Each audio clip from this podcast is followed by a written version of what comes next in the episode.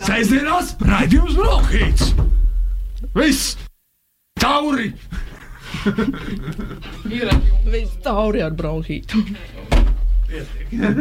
Tāpat tās no manis nekas jēdzīgs nesanāca šodien. 16. janvāris. Naktī atkal sapņoju. Man liekas, ja pievērš uzmanību sapņošanai un par to domā, tad biežāk arī sanāk. Sapnī es vēl biju skolas vecumā. Bija kaut kāda stunda, bet vakarā bija klases vakars vai diskotēka. Un man bija ļoti nērti tajā diskotēkā, jo es biju pliks, ar visu pliku dandāli. Centos to aizsegt, un tur bija arī mana gulta, bet tā, kas ir pie mammas. Stāvēju pie tās gultas, un mani skolas biedri dejoja, un pat nelikās nezinis par to, ka es esmu pliks atnācis uz diskotēku. Tas uztrauca vienīgi mani.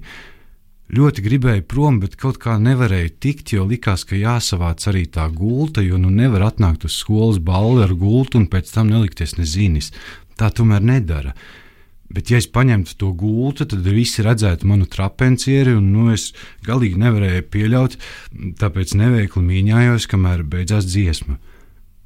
Bet, kad beidzās dziesma, sapnis pārgāja citā sapnī, kur es biju ļoti skaistā pļavā. Tur bija ļoti zaļa zāle, tāda spilgti zaļa, bet nekoda acīs, un violetas debesis, un tālumā ļoti kupls un skaists koks. Un es jūtu, ka man pie tā ir jānonāk, ka tur ir kaut kas svarīgs un tūs tieši man. Es netiku tuvāk, lai arī gāju ilgi, bet nebija nekāds trauksmes vai vilšanās sajūta. Es zināju, ka agri vai vēlu es tur nonākšu, un tas būs skaisti. Pašās beigās bija pēdējais sapnis, kur bija tikai tumsa, un es dzirdēju baigo borbelēšanu. Ar kaut kādu prāta daļu nojautu, ka tie ir miljoniem tītaru, kas ar saviem ādas zodiem trobelējas pa kakao, pa milzīgu kakao tasi, kas ir tik liela kā ezers, bet viss bija tumšs. Es tikai to jūtu, un man bija smieklīgi, tad es pamodos. Spīd saule. Man šoiet, šodien jāiet vaktēt telefons uz veco slimnīcu un jāsavāc un jāatbrauc atpakaļ ar visu to leņķinu gultu. Tas sapnis bija par to. Arī šodien neviens nezvanīja. Tā es pa slimnīcu nonīku līdz vēlai naktī un stūmu leņķinu gultu uz nēmaņiem. Šonakt es gulēšu ļoti ērti. Paņēmu arī jaunas segas, un palagus, un spilvenus un mazu slimnīcas tumbočku, ko likt pie gultas, jo visu varēja ļoti ērti salikt gultā. Un visforšāk bija tas, ka apvedceļu kalnu, pa apvedceļu kalnu, kas ir lejā no slimnīcas ar gar saules kalnu, un kur naktī nav mašīnu, es ieliecu Leņķina gultā un ripoju lejā pa ielu. Ar labu nakti! Esiet sveicināti radio un abu klausītāji. Šis ir literatūras raidījums Bronhīts, un ar jums kopā ir Signe Viška un Lauris Veips.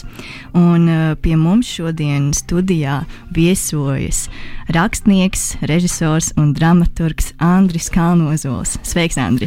Uh, sveiki! Labdien visiem 16. janvārī! Un apsveicu arī visas Lidijas un Lidas uh, viņu vārda dienā. Jā, šeit uh, apsveikums vārdienā ir tieši vietā, jo uh, tavā romānā kalendārs man sauc arī bieži un ļoti daudz uzpeld tieši cilvēku vārdi. Un, uh, jā, un mēs tieši runāsim par uh, tavu debijas romānu kalendārs mani sauc, ko pagājušā gada nogalē izdeva Orbīte. Uh, tagad, uh, nu, uh, man liekas, ka mēs varam sākt skatoties arī uz pašu grāmatu. Uh, viņa orbītas sērijā vienīgā, vienīgā zaļiem mākiem. Uh, es jau mm, esmu dzirdējis baumas, ka tipogrāfijā beidzās uh, pap, tas melni, melni zilais papīrs, ar kuru, ar kuru parasti, parasti šīs, šī sērija tiek drukāta uz grāmatas. Un, uh, Tu jau esi citās intervijās daudz izteicies uh, par to, kā šis uh, romāns pie tevis atnāca. Uh, domāju, neatkārtosimies, lai, lai cilvēki meklē, klausītāji meklē, bet vēl kādas uh, sakritības uh, zīmes, varbūt, uh, kuras uh, tev šī uh, romāna rakstīšanas laikā atnāca. Mm, ir, tā, ir tā, ka es uh, rakstot um, romānu pēc iespējas mazāk gribēju uzzināt uh, par šī romāna galvenā varoņa prototipu. Prototyps ir īsts, un, un, un no manas uh, dzimtās pilsētas, no Tālsiem, šis Oskars, kas iemācījies no galvas visu kalendāru. Uh, Un man bija skaidrs, ka man pēc iespējas mazāk par viņu vajadzētu zināt to īstenību. Un tad es visiem spēkiem centos, uh, kad pastāstīju cilvēkiem, par ko es rakstu, sevišķi tiem, kas ir nu, no tālsiem, kas viņu nu, zina, viņi ļoti gribēja man acīm redzot palīdzēt un kaut ko centās pastāstīt par viņu, ko viņi savukārt ir uzzinājuši. Es visiem spēkiem centos to neklausīties, bet beigās izrādījās tā, ka ir kaut kādas um, lietas, ko es esmu izdomājis, nu, pavisam noteikti pats iztukojis un ierakstījis. Un, uh, tagad es secinu, ka viņš tā arī dara. Nu, tā ir kaut kāda sakritība. Nu, mm, tas ir tā. Es nezinu visas, bet nu, pāris zinu un skatos, varbūt kas vēl tālāk. No tā viss sanāks. Man viņa nav izdevies joprojām satikt šo Oskaru. Man ir pataupīts viņam arī eksemplārs, ko uzdāvināt, bet tieši kā par spīti šajās dienās uh, Uh, viņš pa to savu trasi nestaigā. Nu, viņš arī ir no staigātājiem. Mums ir kaut kāda. Man ir sava lielā trase, tad ir mazā trase, tad ir ārpus lauku iešanas trase, un es aptuveni to vienu viņa gabaliņu uh, arī esmu pieķēries klāt. Katru dienu mm, eju pa šīm ielām, kur viņam būtu jāiet, un neesmu joprojām saticis. Nu, turpināšu. Būtībā jau droši vien nav nekādu problēmu uzzināt uh, viņa uzvārdu, kur viņš dzīvo, un, un, un, un, un to visu nokārtot tādā pavisam pragmatiskā un oficiālā kārtā. Bet man liekas, ja jau tas viss ir iesācies kā tāds piedzīvojums, fantastika, ceļojums uh, un kaut kā tā romantika tomēr ir jāturpina. Un, nu, uh, es zinu, ka viņš var būt uh, ļoti mm, spītīgs. Mm, Mm, bet es arī. um, Labi, ka tu jau pieminējies par šo Oskaru, jo es tieši gribēju atsaukties uz tavu interviju ar Undīnu Adamaita kultūras dienā un gribēju tev pajautāt, vai tu jau esi paspējis satikt Oskaru. Un tad tu ienāci studijā un redzēji, ka tev kurtkas kabatā ir grāmata, un uh, tad es uh, laikam sapratu, arī nejautājot tev, ka tu vēl neesi saticis. Jā, Oskaru. to, to eksemplāru es visu laiku esmu ielicis kabatā, un būtībā braucot uz Rīgu, jau pēc idejas viņu mierīgi varētu arī ņemt no kabatas ārā. Jo, Uh, diez vai es viņu Rīgā satikšu, bet ja ir kaut miljonā daļa iespējas, ka es viņu varētu satikt, man tas nu, man ir jābūt diezgan spītīgam arī šai ziņā. Ja. Droši vien es viņu nu, šai kabatā turēšu, kamēr vien es viņu nu, nomedīšu beigu beigās. Uh, nedaudz atkāpjoties uh, tavā radošajā darbībā, uh, man šķiet, ka iepriekšējā reizē tas vārds plašāk izskanēja saistībā ar Lūgu benzīnu vīrs, kurai tu biji dramaturgs. Viņa, viņa bija Dirty Deal teātrā. Vēlāk dzirdēsim arī dziesmu, kas sarakstīta šai, šai, šai lūgai. Bet, arī, bet arī benzīnu vīram prototyps uh, īsts. Jā, un arī, arī no ziemeļkurzemes puses, gan ne no tālsiem. Tur mazliet. Bet nu, tajā brīdī viņš bija tālsos, kad es vi, viņu ieraudzīju. Tas bija jau kāds 2013. gads, un tad to izrādi es uztaisīju 2015. gada februārī. Drīz būs jubileja. Jā, sanāk 23. februārī. Un, uh, un arī tāds nav, nav gadījies uh, redzēt, bet ir gadījies tik daudz dzirdēt, ka sajūta jau, ka esmu redzējis, uh, pie, pie teksta arī esmu ticis kaut kādā pa aplinkus ceļiem. Bet nu, jautājums tomēr tev interesē, izskatās tie dzīves pavērni. Un varbūt vari pateikt, kāpēc, kāpēc tā? Mm, man ir pielaide, tā izskatās ka man ir nu, kaut kāda caurlaide uz viņu uzticēšanos, uz viņu pasaules uztveri, mm, uz viņu dažādiem, dažādiem kodiem, kurus es var, varu un mēģinu pārlikt tā, lai, lai, lai, lai par viņiem nodotu informāciju frekvencē, kur, kuru, mēs, nu, kuru mēs apdzīvojam ikdienā, jo mēs viņus ikdienā neustveram caur tiem saviem. Saviem dienas radio viņu frekvence ir ļoti kaut kur tāla, bieži vien čerkstoša, nenotverama, bēgoša. Nu, tad es esmu tāds kā, tāds kā goda konsuls uh, no viņu radiostacijas. Uh, jā, tā ir pielaide. Es tas mēdz būt nogurdinoši, tas mēdz būt reizēm arī bīstami. Nu, es esmu medījot tos stāstus, arī pabijis vietās, um, nu, kas ir bīstamas veselībai un dzīvībai, vai apstākļos, vai, vai kopā ar cilvēkiem. Mm, un uh, pēc tam, kad es kādu no darbiem esmu pabeidzis šajā gadījumā, es eh, runāju atcaucoties uz tavu jautājumu par benzīnu, jo tieši tas bija tas nu, šķiet, grūtākais darbs šajā, šajā žanrā. Un es esmu domājis, ka vajadzētu taču rakstīt pavisam kaut ko nu, tādu vieglu, tādu nu, kaut ko par. par par, par, par runda, rundāli. Nu, kur, kur būtu tā, tāda nu, te, tēja un kaut kāda rožu smarža. Bet man nav ne jausmas, kā uzsākt sarunu par to vai ar to. Vai vai viņiem ir nepieciešama mana vispār klātbūtne tur. Jo, jo, jo tā klātbūtne ar tiem maniem kā es viņus pats esmu tā ļoti. Nu, varbūt tas neizklausās baigi, baigi forši, bet es viņu saucēju par lupatu lasīšiem. Nu, viņi tādi lup, lupat, lupat laši, nu, lupat laši. Nu, tad es, tad, lūk, man liekas, ka to viņu, nu, to viņu vēsti, acīm redzot, ir kaut kā uzticēts nodot tieši man un tieši caur mani. Nu, man atliek vienkārši pildīt šķiet savu pienākumu. Un uh, varbūt, uh, nu, varbūt tu kaut kādā mērā arī identificējies ar uh, šiem lupatu lašiem.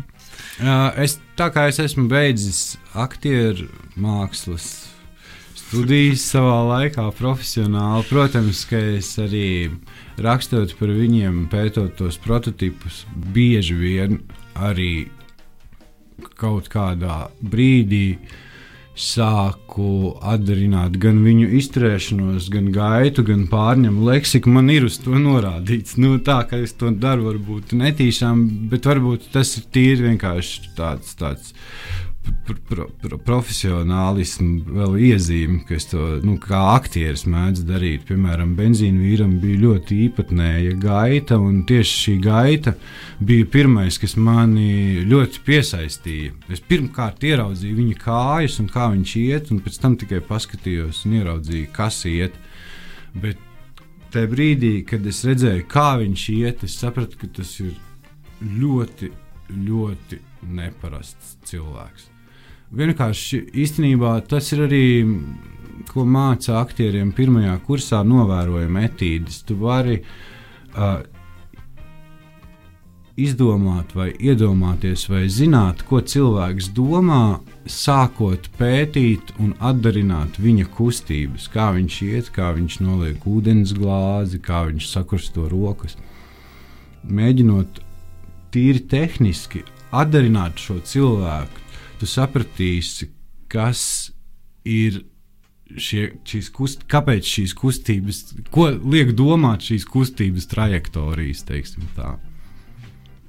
Un runājot tieši par rakstīšanu, kad tev radās ideja par uh, kalendāru, nu, tev uzreiz bija skaidrs, kā sauks romānu, ka grāmata būs dienas grāmatas formātā un kādā stilā Oskars rakstīs.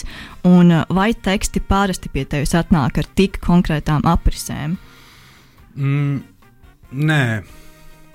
Mm, šis bija ļoti spilgts piemērs, un, un atnāca tādā pilnā porcijā. Un vēlreiz, būtībā, man patīk, ka Lauris to ar to benzīnu vīru savilkt kopā, jo tur ir kaut kādas zināmas līdzības tieši tās, tās iedvesmas kaut kādā skaidrībā un intensitātē. Man līdzīgi bija ar benzīnu vīru, ka es arī sapratu, ja es šo darbu iesākšu, un ja es viņu nodīšu līdz galam, tas noteikti būs ļoti nozīmīgi, ļoti svarīgi un ļoti sirsnīgi, skaidri un godīgi. Un tāpat man bija tāda pati skaidrība par šo darbu. Ar pārējiem darbiem arī mēdz būt līdzīgi, bet, bet nu, ne tik pārsteidzoši pilnā porcijā kā ar kalendāru. Jā.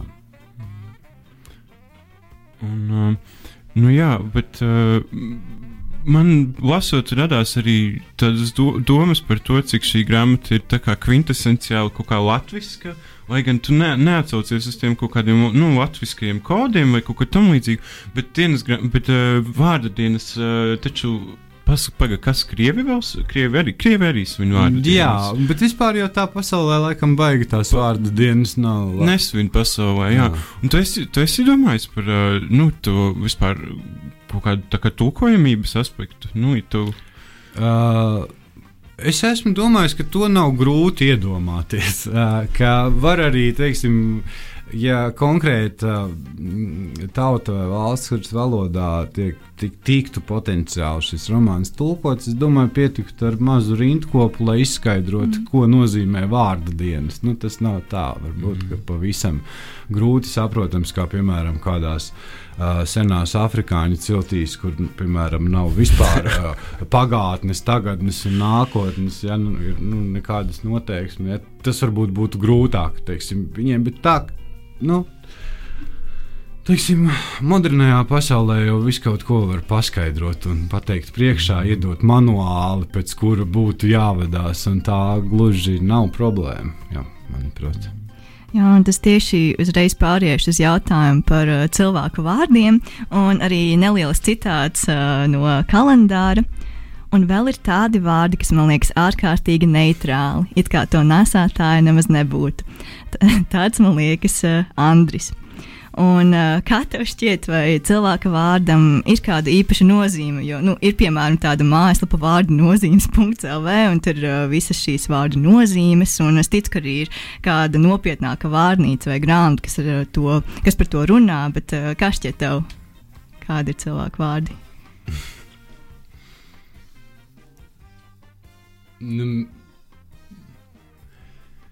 Ir ļoti daudz cilvēku un ir ļoti maz vārdu, kā viņus var nosaukt. tas viņus nepadara līdzīgākus. Nu, tas viņus arī nepadara baigi daudz atšķirīgus. Man liekas, ka ļoti svarīgi, lai cilvēkam savs vārds nav apgrūtinājums. Tas var, viņš var patikt, var nebūt, bet lai nav tā, ka baigais apgrūtinājums. Par to nu gan būtu jā, jāpadomā vecākiem. Nu, man liekas, man liekas ka ne. Nu, Es nezinu. Man ir, man ir paveicies ļoti neitrāls, man liekas. Un sevišķi tajā laikā, kad es augu skolā, gāju, mēs klasē bijām trīs Andri. Nevienam ne, nu, neienāca to vārdu kaut kā pārveidot vai, vai, vai kaut kā, iz, nu, kaut kā ķengāt, izāzēt. Nu, viņi nesanāca baigi, nu, nekādi baigi, baigi tādi tīzli atvasinājumi. Tur Anģis, Andrīts, Anģiks. Nu, viss tā kā, nu, par Anģiku man pārsvarā arī saukāja. Tā kā, jā, man ir vienkārši paveicies. Varēja būt arī savādāk. Varēja būt arī, kurš ir 23. pagaidis, līdz pastīšos. Man šķiet, ka varēja sanākt arī tā, ka ir 23. Tūlīt paskatīšos. À, es laikam nojaušu, ko tu meklē. Jā, jā, 23. novembris. Nu, tur ir grūti. Nu, ir, ir arī tā, jā. Un tagad, tieši tagad mēs dosimies muzikālajā pauzē, ka, nu, tad arī klausītāji var uzšķirt savos kalendāros 23. novembri un paskatīties, kādi vārdi tad ir šajā dienā.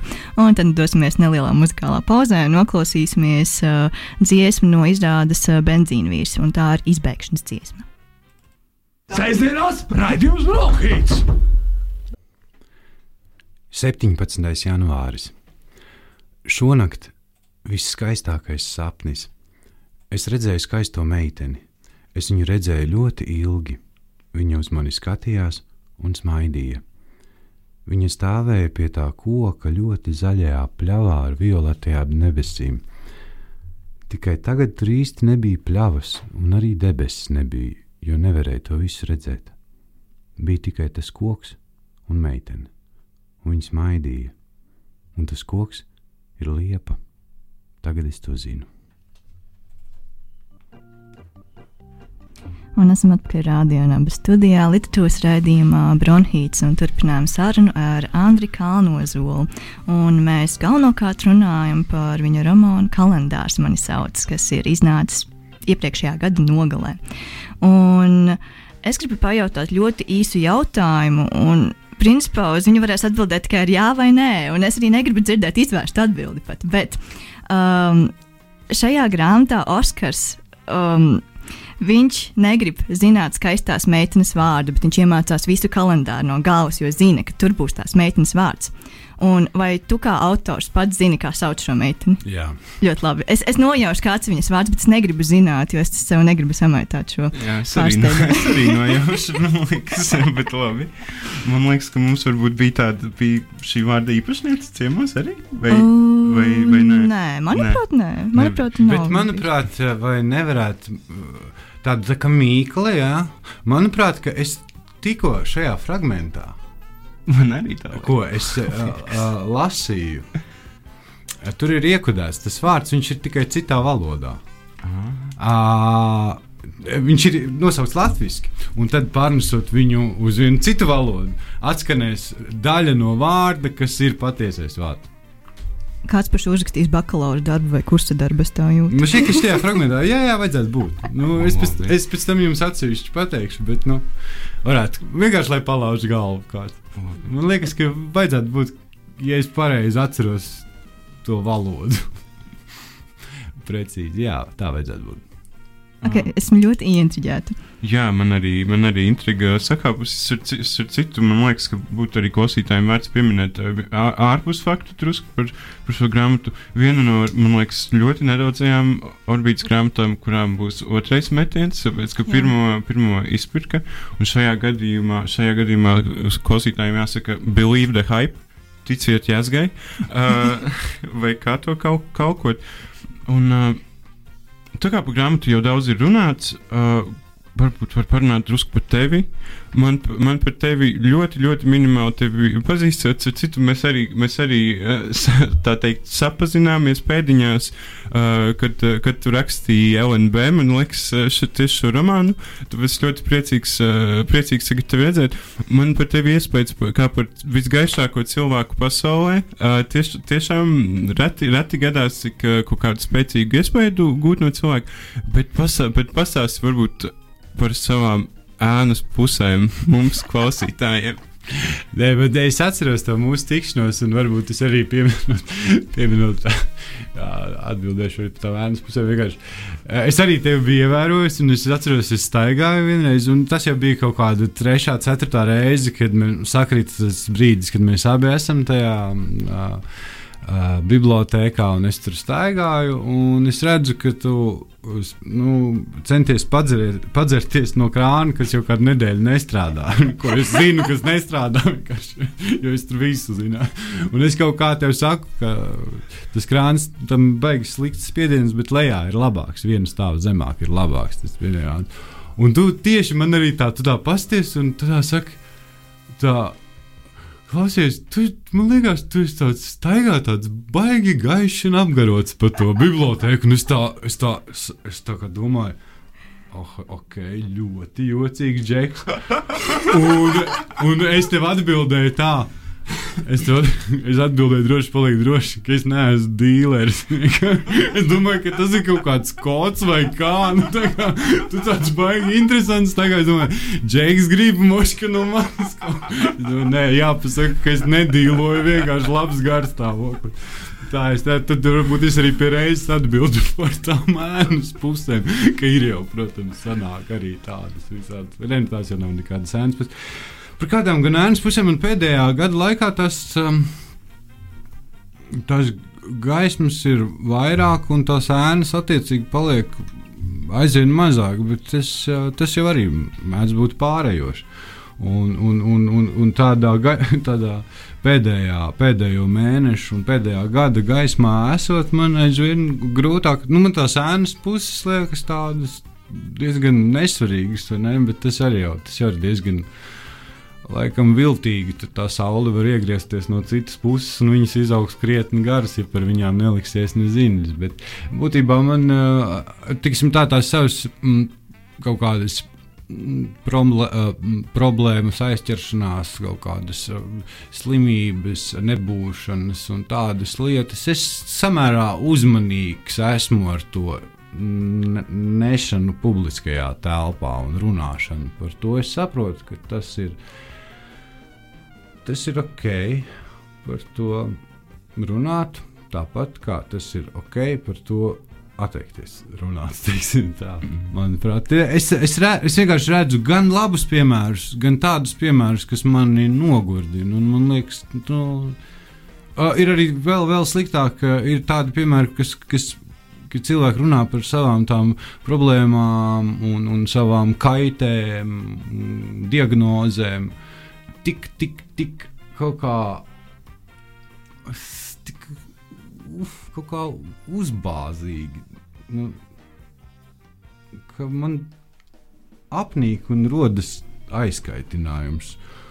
Bet tā arī drīzāk mana problēma, nevis, nevis vispār problēma. Un, uh, jā, cik forši, ka jūs jau ierunājaties par Nacionālo bibliotēku. Es arī biju no viens, viens no tiem cilvēkiem, kas tevi, Andri, ievēroja, jo tu vienmēr biji humanitāro zinātņu lasītavā. Un arī es kādu laiku tur pavadīju ļoti, ļoti daudz stundu, jo es arī rakstīju kādu projektu un savā ziņā. Tas kaut kā nomierināja, ka es redzēju, ka ir vēl viens cilvēks, kas sēž un kaut ko raksta. Man nebija ne jausmas, ko tu raksti. Es nezināju, kas tu esi. Es vienkārši domāju, wow, viņš tur sēž un visu laiku kaut ko tur strādā. Un tas tev tāda laba sajūta, ka ir jācenšas un jāstrādā arī pie savām lietām lietām, un uh, ka tas arī kaut kad beigsies. Un, uh, Es arī gribēju pajautāt tieši par to, kā tu nonāci līdz sadarbībai tieši ar Orbītu un redaktoru Henriku Eliesu Zēgneru, kuru darbu pie šī romāna redakcijas tu raksturo kā uh, vecākā ķirurga darbu. Uh, man, manuprāt, ka es pats tā kā viss, kas saistīts ar šo darbu, nav tas, pie kā būtu nonācis es, bet tas, kas nonāca pie manis kaut kādā ziņā. Un tāpēc tas ir arī kaut kā tik viegli un dabiski gājis visu šo laiku. Attīstījies un, un diezgan vieglā laidienā gājis priekšā, tāpēc ka es neko nemēģināju schēmot. Tā kā es no sākuma to darba, mm, to ideju saņēmu tādā diezgan gatavā un, un, un labā porcijā, es sapratu, ar ko man darīšana. Es sapratu, ka jebkura schēmošana, jebkura tagad kaut kāda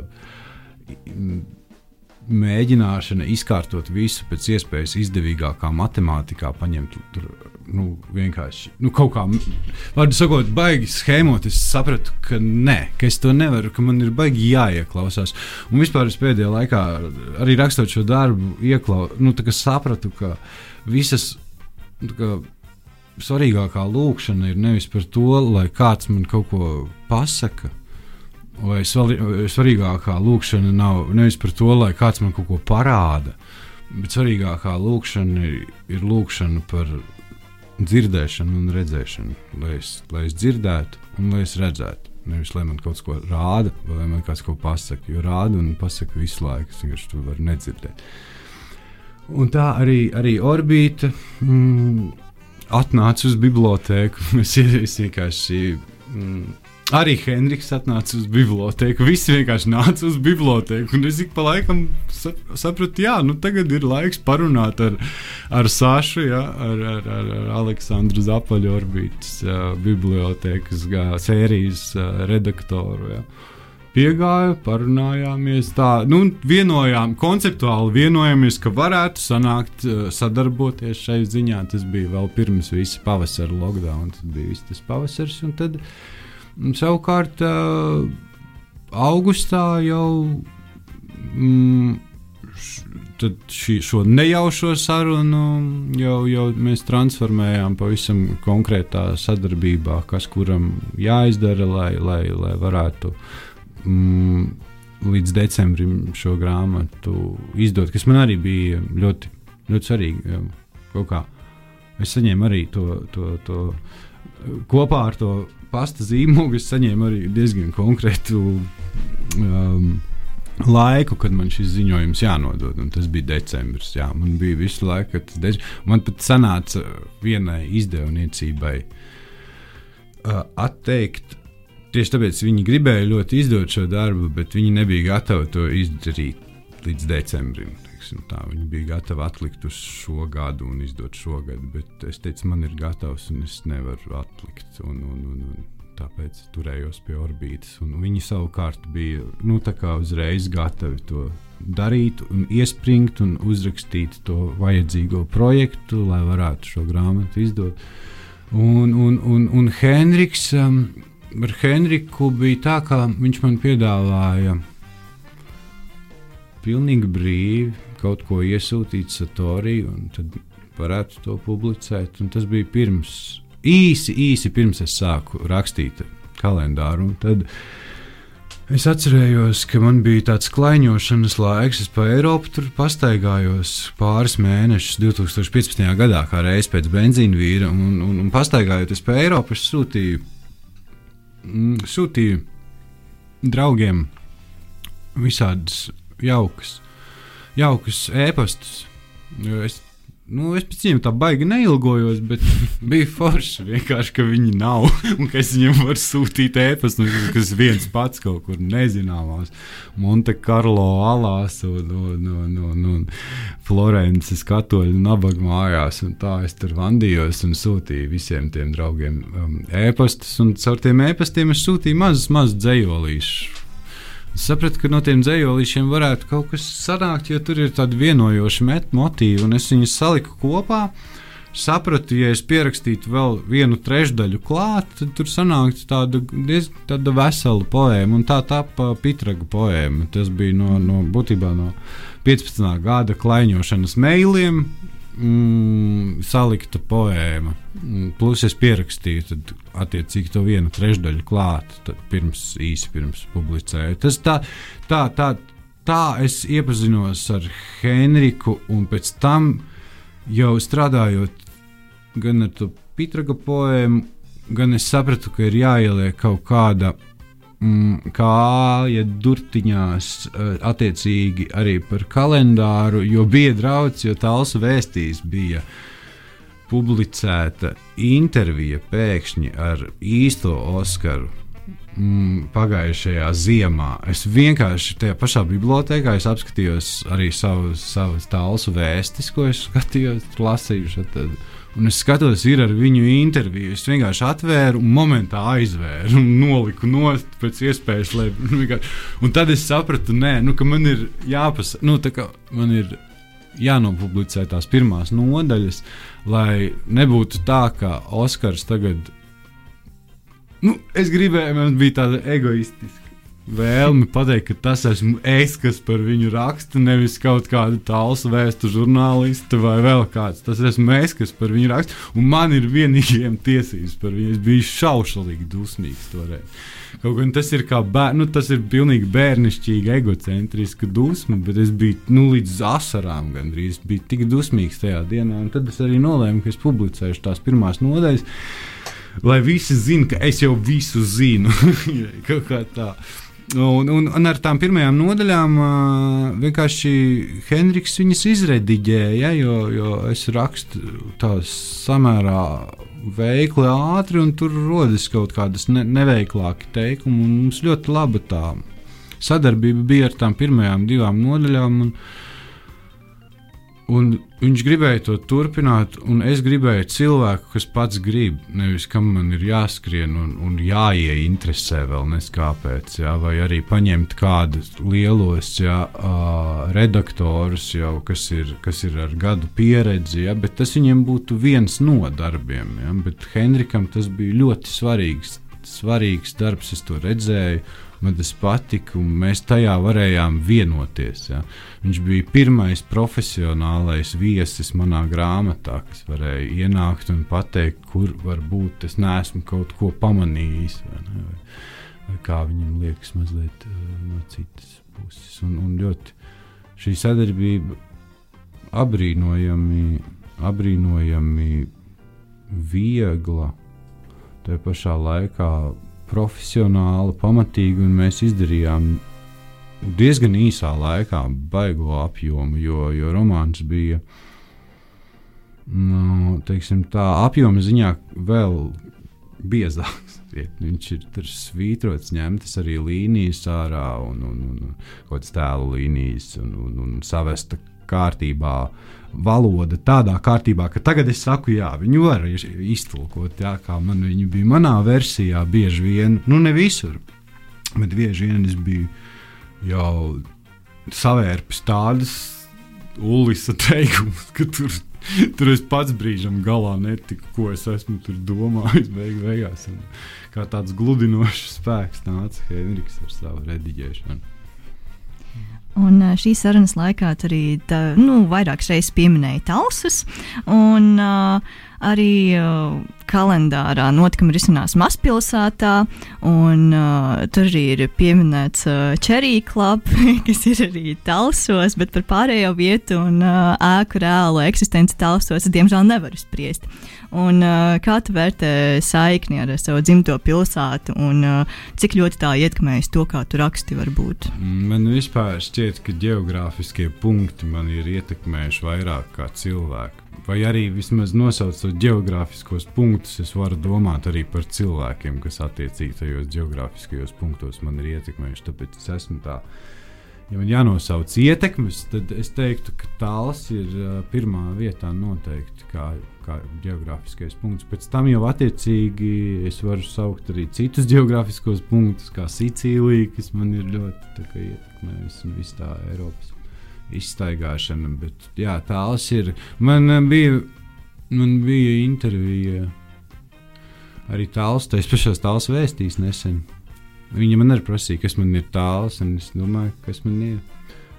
Un tad es teicu, nu, ja mani paņemtu, ieslēgtu svi, svina kastē un to svina kasti noliktu Sahāras tūkstneša vidū, es būtu tālsos ka es tur varu atcerēties visas vecās slimnīcas, kas ir grāmatā. Es viņu zinu no galvas, tāpēc ka mana mamma mm, strādāja slimnīcā par kadru daļas priekšnieci. Es bērnībā ļoti, ļoti daudz par veco slimnīcu. Es viņu pilnīgi zinu visu evakuācijas plānu es esmu iztaigājis. To pil, es to pilsētu, varētu, nu, es to slimnīcu varētu uzbūvēt, ja viņi sagrūtu perfekti. Es sapratu, ka es ļoti labi atceros vietas, telpas. Es visu grāmatas rakstīšanas laiku nebiju tāls. Es neaizbraucu tā. Vienreiz es aizbraucu pavisam Ziemassvētkiem. Bet es visu šo laiku, kad tur biju vietas, tāda arī bija. Man. Jā, man tā ir, tā ir milzīga. milzīga jo, ļoti, ļoti daudz prototipu, mm, notikumu, kaut kādi raksturi samaisīti. Jā, tā, tā, tā tā, tā, tā tēlu ķīmija ir, ir talsos pārsvarā vai talsu pusē satikti cilvēki vai dzirdēti stāsti. Es viņus, protams, neņemu viens pret vienu, es viņus pamatīgi atjaucu, tāpēc arī es to visu paleti nevaru nosaukt par talsiem, tāpēc ka tā nav taisnība. Tas nebūtu godīgi tos saukt par talsiem un teikt, ka, ka darbība notiek talsos, jo tā nav, tā ir cita, tā, tā ir, tā ir cita pilsēta tomēr. Bet zinātnēji atpazīs arī dažus, dažus raksturus. Piemēram, Janīna. Jā. Janī, man samīts, viņš jau man zina daudzus gadus, viņš ir mans labākais draugs. Viņš man zvanīja, viņš teica, klausies, bet Janīna taču ir tā tava skolotāja, ko tu mežā toreiz atradi. Es saku, ir, protams, tā ir mana skolotāja. Jo es pirms 2006. gadā es vienā mežā uzgāju pamestu māju, kur dzīvoja mana pagarinātās dienas skolotāja. Tas bija pilnīgi dīvains notikums. Es pie viņas pēc tam ievācos un nodzīvoju. Mēs nodraudzējāmies kaut kādus divus, trīs gadus. Pēc tam. Mm, nu, jā, no viņas es esmu iedvesmojies Janīnas tēlam diezgan spēcīgi. Tas, tas, tas, tas stāsts ar to, kā es viņu vispār uzgāju tajā mežā un kā es pēc tam sāku ar viņu tur tusēt arī. Un turklāt tas, ka viņa bija mana pagarinātās dienas skolotāja skolas laikā, un pēc tam viņai, nu, viņai pēc tam sākās pamatīgas. Um, kā to saka, mentālās nekārtības. Viņi no skolas dabūja aiziet, un tad viņi dzīvoja tādā pavisam pamestā vietā, tāls, tāls nomalē mežā. Un es nezināju, ka viņi tur dzīvo, bet uzzināju. Vai viņi audzēja arī kabačus? Ne, viņa, viņa, bet viņi pamatīgi dzēra Freiburgā. Tas mums tie kabači nebija vajadzīgi. Tur bija cita, cita, cita jautrība. Nē, viņa man tiešām viņa bija tik kolorīts tēls. Viņa ir, jā, nu jā, viņa ir mirusi jau sešas gadus, piecas. Arī viņai es esmu veltījis mm, vienu tekstiņu. Tas gan nekur nav publicēts. Vienkārši es uzzināju, ka viņa ir mirusi. Mums ne pēdējos gados vairs nebija tāds kontakts. Bija tos pirmos gados, pēc tam jau vēlāk, jau tur attiecīgi no viņas tās slimības, slimošanas gaitas, es kļuvu aizvien jau mm, teiksim, svešāks. Viņu vairs neatpazina tā, kā to varēja agrāk. Un, man nācās tā draudzība izsīka. Bet, bet pēc tam, kad es uzzināju, ka viņa ir mirusi, tad man kaut kā tas uzviļņoja un es uzrakstīju viņai veltījumu tekstu. Jā, man prieks, ka tu arī viņu iekļāvi šajā romānā, vismaz daļu Jā. no viņas. Un tad šīs nots dosimies vēl pēdējā muzikālajā pauzē, un tad uh, atgriezīsimies jau pamazām noslēdzot raidījumu. Sēdzienās raidījums Brokhīts! 18. janvāris. Šodien visu dienu nostrādājos, bet ne jau tāpēc, ka man kāds piezvanīja uz slimnīcu. Māma bija parunājusi apkārt, un izrādījās, ka šodien vienā mājā, kur dzīvo sociāli nelabvēlīgi cilvēki, ieveda bezmaksas malku no pilsētas domes. Pieveda par velti, bet viņiem pašiem tā malka jāsakārto savos šķūnīšos, bet viņi pārsvarā ir ļoti veci cilvēki, kas to galīgi nevar. Tad nu mamma bija sarunājusi, ka eju trīs dzīvokļiem palīgā nest malku šķūnīšos un sakārtot strēķos. Tas prasīja visu dienu. Tā malka gan nav sevišķi laba, tādi dēļu atgriezumi un tā, bet vismaz par velti, iekurināt var. Un katrs tas nelabvēlīgais cilvēks man samaksāja 10 eiro. Tas, manuprāt, ir ļoti daudz viņu apstākļos, bet tā kā es nerunāju lieku, es neatteicos. Vienīgi ar to visu ņemšanos nesanāca vakarā pasēdēt slimnīcā. Nostrādājos līdz pat deviņiem vakarā, biju tikai pa dienu izskrējis pie mammas paēst apēdu septiņas lauku olas ar marinētiem gurķīšiem un izdzēru puslitru kafijas ar pienu. Tāda bija mana apetīte. Es tie nepieskaitu doktora desmaizes un siermaizes arī. Vakarā esmu pārguris un nejaudāju pat iekurināt. Naktī pasalšu. Tā izskatās. 19. janvāris. Vajadzēja iekurināt. Rīta pusi dabūju gulēt cauru miegu. Kaut gan joprojām biju ļoti noguris un siltos apstākļos noteikti būtu gulējis kā nosists ilgāk, bet tas nekas, vismaz pasapņoju, lai arī neko tādu īpašu. Visādas sadzīviskas lietas mēs ar māmu pie galda ēdam, un es tikai dzirdu pulksteņa tikšķēšanu. Tad es kāpu pa mūsu mājas kāpnēm, nu tādā garā. Sapņi nevienmēr mēdz būt ar lielu nozīmi, tie var būt arī diezgan parasti. Biju uz upes virtuvi. Tā neko sev jaunumiņa, mācītājs saslimis. Dievkalpojumu vadīja otrs mācītājs, kas ir tāds kā students. Es viņu saucu par mamutu, jo viņam ir milzīga apakšlūpa un kādas dīvāns.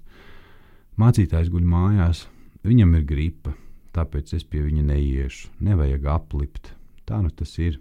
Visi mani tuvie cilvēki ik pa laikam saslimst. Tikai es nesaslimstu, jo es esmu slims visu laiku. Šis bija 18. un 19. janvāris no Oskara kalendāra, ko ir uh, sarakstījis Andris Kalnozos. Un, um, Tu jau iepriekš mazliet runāji par uh, staigāšanu, kā tu staigāji pa Eiropu, un uh, grāmata arī beidzas ar tādu kā gandrīz vai sveceļojumu sākumu, un arī viscaur tekstam vijas sava veida ticība, ne tikai ticība dievam, bet vispār ticība labajam un gaišajam. Un Kam tici tu?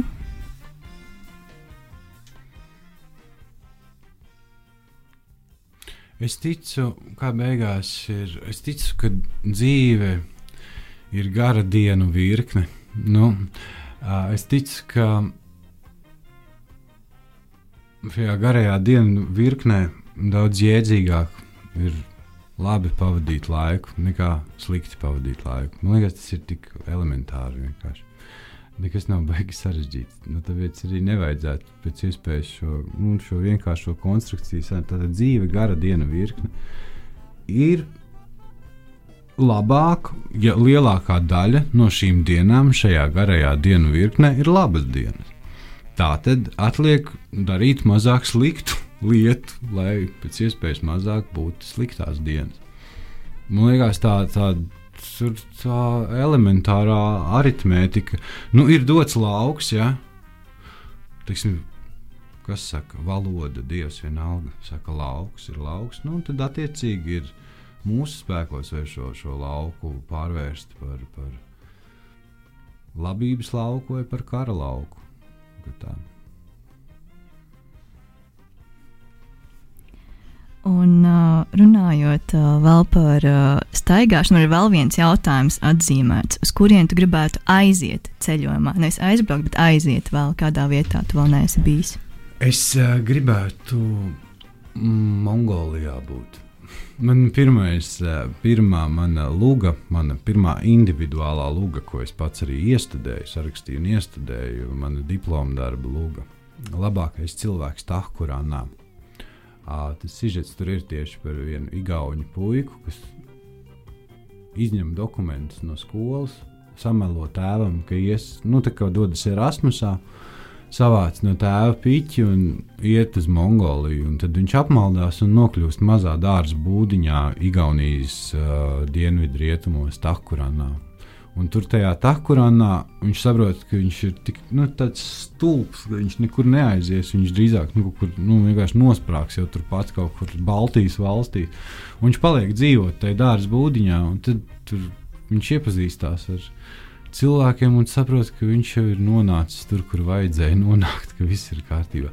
Bet jā, man tas sapnis, tā iešana, vienmēr tā iešana. Un, Jā, tā Mongolija arī viņam bija tas, tas mūžīgais sapnis, ka tā Mongolija. Un, būtībā vajag jau arī tikai to sapni, lai varētu, nu, lai varētu mierīgi dzīvi pavadīt tajā vietā, no kuras tu sapņo.